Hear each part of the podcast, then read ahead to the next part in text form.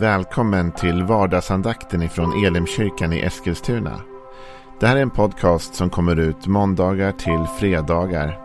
Om du vill veta mer om vilka vi är, vad vi tror på, hur du kan komma i kontakt med oss eller vad vi kan erbjuda dig för någonting så gå in på www.elimkyrkan.com. Får jättegärna gå in och likea vår Facebook-sida.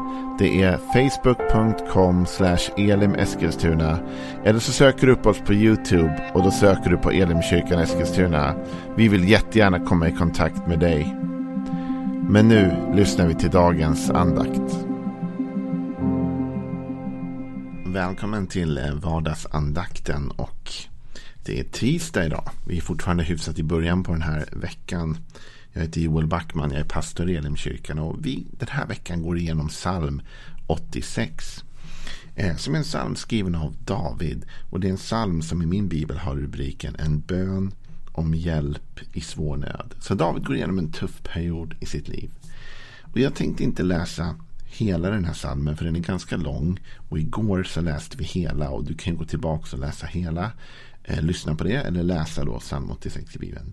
Jag tänker läsa några verser i början av den och stanna upp kring en tanke där som jag tror kan vara betydelsefull för dig och mig att fundera lite grann kring och ta till oss idag. Vi läser från vers 1. En bön av David. Herre, vänd ditt öra till mig och svara mig, för jag är svag och fattig. Bevara min själ, för jag är trogen. Du är min Gud, fräls din tjänare som litar på dig. Förbarma dig över mig, Herre, för jag ropar till dig dagen lång. Gläd din tjänares själ, för till dig, Herre, lyfter jag min själ. Det här är inledningen på bönen. När David talar om att han ber att Gud ska vända sitt öra till honom. Han talar om att han är svag och fattig. Och igår på andakten så, så talade jag lite om det. Att han var ju egentligen inte svag eller fattig. Rent mänskligt sett så var han ju Israels konung. Och han var dessutom oerhört förmögen. Men han var svag och fattig inför de utmaningar han stod inför. Hans utmaningar var ändå större än vad han var. Och än, och än de resurser han hade. Så han vänder sig till Gud och säger Gud, jag behöver din hjälp. Böj ditt öra, eller vänd ditt öra till mig och svara mig. Och så säger han i vers 2 så här. Bevara min själ, för jag är trogen. Den här formuleringen skulle jag vilja stanna upp lite grann för idag. Det finns ju många dygder. Det finns många liksom karaktärsdrag och saker som är viktiga för oss som människor och föra oss framåt i livet och föra oss framåt i vår tro. Men det är ändå intressant att David här lyfter fram trogen. Varför är det just det draget som han nämner här? Han kunde ju sagt så mycket annat. Han kunde sagt så här. Bevara min själ. Och sen så ska han ju då ange ett skäl till varför Gud borde hjälpa honom. Det är det han försöker göra här. Han försöker ge ett skäl till varför Gud skulle bevara just hans själ. Och då säger han, han kunde ju sagt Bevara mig Gud för jag är Israels konung. Och, och, och ditt folk liksom. Det hade ju varit ett ganska legitimt skäl. Eller att Gud inte ville att sin, sitt folks konung skulle falla. Så han kunde ju sagt det. Liksom.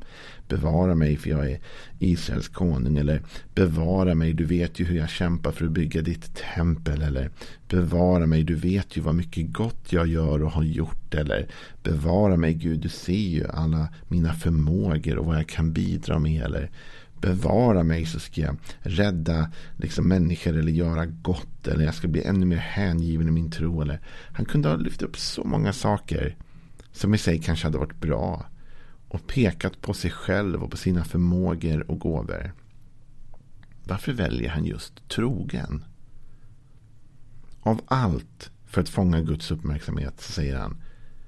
För jag är trogen.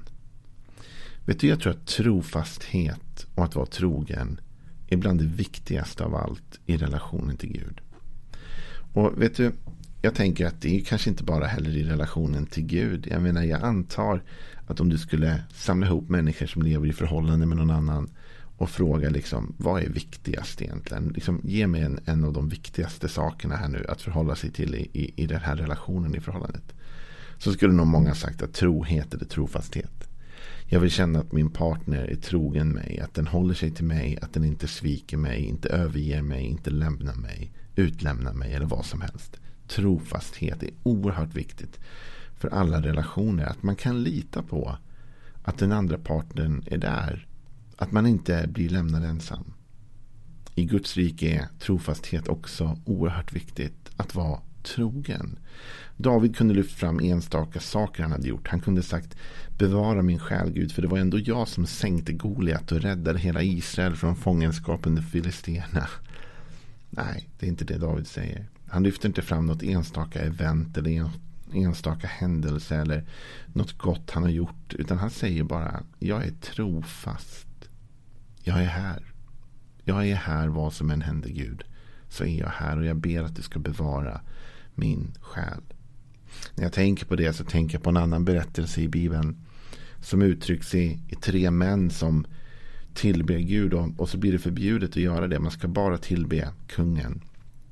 Och alla som inte tillber kungen de, de kommer dö. De ska kastas i en brinnande ugn. Och när de då står inför kungen så säger de till kungen att Alltså vi kommer aldrig tillbe dig. Och om du kastar oss i ugnen. Vår Gud kan rädda oss. Men så säger de så här. Och även om han inte gör det. Så kommer vi ändå inte tillbe dig. Det de säger till Gud i den stunden är. Vi är trogna honom. Om han räddar oss eller inte räddar oss så står vi här i alla fall.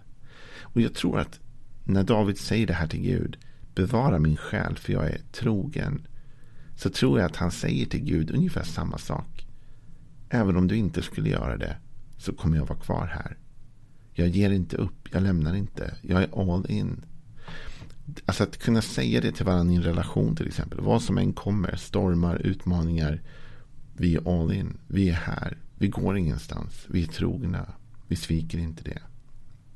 Jag såg ett Instagram, en Instagram-meme eller någonting, ett citat som var utlagt för ett tag sedan. Det var en väldigt känd person som var väldigt framgångsrik.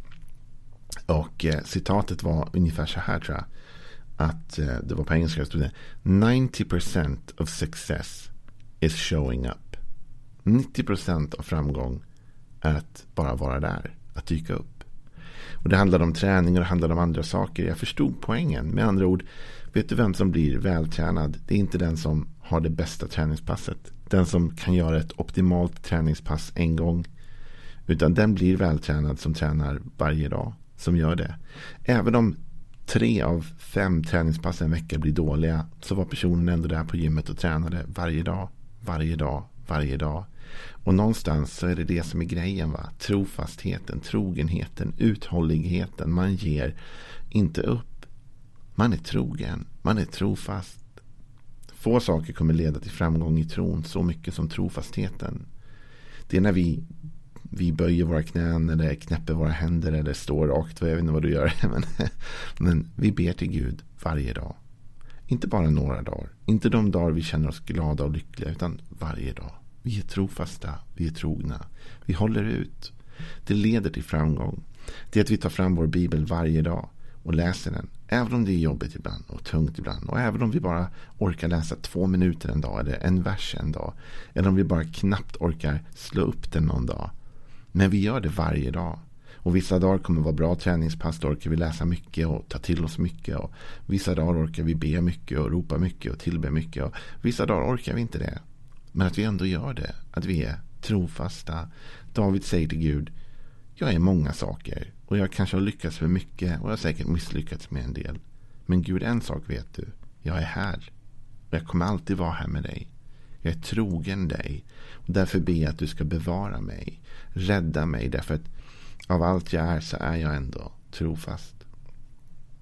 Det är så ofta som vi tänker så tror jag när vi ska förhandla med Gud på något sätt. För på något plan så förhandlar David med Gud här, eller hur? Han försöker förhandla med Gud om att Gud ska bevara honom och han använder som skäl att han är trofast. Jag tror många gånger när vi förhandlar med Gud så försöker vi lyfta fram våra goda sidor. Vad vi har gjort och vad vi kan. Tänk Gud, jag är så generös. Tänk Gud, jag hjälper så många människor. Tänk Gud vad jag försöker göra rätt hela tiden och hur mycket jag läser Bibeln och bla bla bla bla. bla. Men jag tror det enda Gud egentligen vill ha av oss är vår närhet och närvaro. Att vi säger Gud, jag är här. Jag mår inte bra idag, men jag är här. Jag är trött idag, men jag är här. Gud, jag vet inte ens om jag kommer orka be, men jag, jag säger ändå hej. jag är här. Alltså trofastheten. Att dag efter dag, soliga som regniga dagar, så är vi trofasta, vi är trogna, vi är där. Det finns en fantastisk vers tycker jag eh, i Saltaren som, som, eller i Jesaja är det, Jesaja 26 som säger så här. Öppna portarna och låt ett rättfärdigt folk tåga in. Ett folk som förblir troget. Bilden av Guds folk som ett troget folk. Som ett folk som håller fast vid Herren.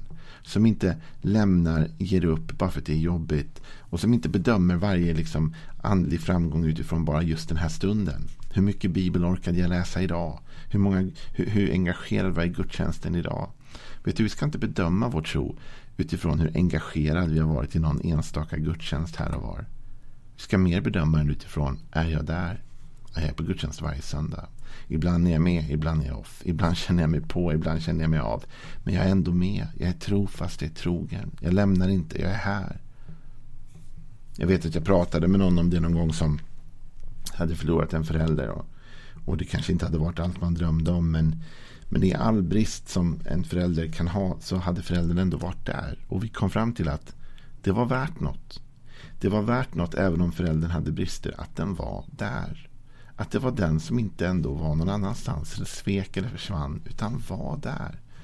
Vet du, jag tror att du och jag. Vi tänker ibland att våra brister ska avskräcka Gud. Eller våra misstag. Det är mycket viktigare att du är där. Än att du är perfekt. Det är mycket viktigare att du är med Gud. Än att du är perfekt hos Gud någon enstaka gång då och då. Gud är mycket mer intresserad av att dela din vardag varje dag, hela tiden, jämt och ständigt. Det är den trofastheten som kommer bära mest frukt. Inte det perfekta yttre eller bara det lyckosamma, utan att man är där. Jag är ju själv förälder, jag har tre barn. Jag tänker, jag misslyckas nog med mycket som förälder. Säkert kommer mina barn någon gång i framtiden prata om allt pappa inte lyckades med eller gjorde. Eller allt man inte eh, levde upp till. Eller vad det kan vara. Va? Säkert. kommer säkert finnas mycket sånt. Finns nog gott om underlag för det. Men jag hoppas att de ändå ska känna en sak när de blir äldre. Och det är att pappa var där. Han kanske inte var perfekt, men han var där. Han var där i goda stunder, dåliga stunder. Han var där när livet var solsken och han var där när livet var kaos. Han svek inte det. Han var ändå där. Även om han inte var perfekt så var han där. Och Det är det här jag tror att du och jag ska bära med oss in i vår tro idag till Gud. Det är därför jag tycker det är roligt att du lyssnar på den här vardagsandakten idag. För Det handlar inte om att leva det perfekta andliga kristna livet, vad nu det är. Men det handlar om att vara där. Det handlar om att varje dag ändå vända sitt hjärta till Jesus och säga Jesus, om det här blir en bra dag eller om det här blir en dålig dag så är jag här. Och när vi väl kommer till Gud som David och vi verkligen har behov av att han hjälper oss med något. När vi har behov av att han hör vår bön och när vi har behov av att han griper in i vårt liv så kommer det inte vara de andliga segrarna som blir din merit. Det kommer inte vara Goliat du kan lyfta med eller skylta med och säga till mig jag besegrade ju Goliat eller jag gjorde ju det där eller jag hade ett fantastiskt möte där eller bla bla bla det där och det där. Utan frågan blir vem är du liksom? och när du kommer till Jesus och säger bara hej Jesus nu är jag här igen. Och jag var här igår och jag kommer vara här imorgon. Jag har behov av hjälp. Och om du hjälper mig eller inte så kommer jag vara här imorgon i alla fall. Men nu ber jag dig om hjälp. Den typen av trofasthet i bön och relation till Gud förlöser mirakel. De där männen som sa Gud kan rädda oss. Antingen gör han det eller så gör han inte det. Men, men vi, vi kommer ändå inte svika honom. De männen blev räddade ur ugnen. Och du och jag kommer också uppleva mirakel när vi vänder oss till Gud, inte med våra meriter, men med vårt hjärta.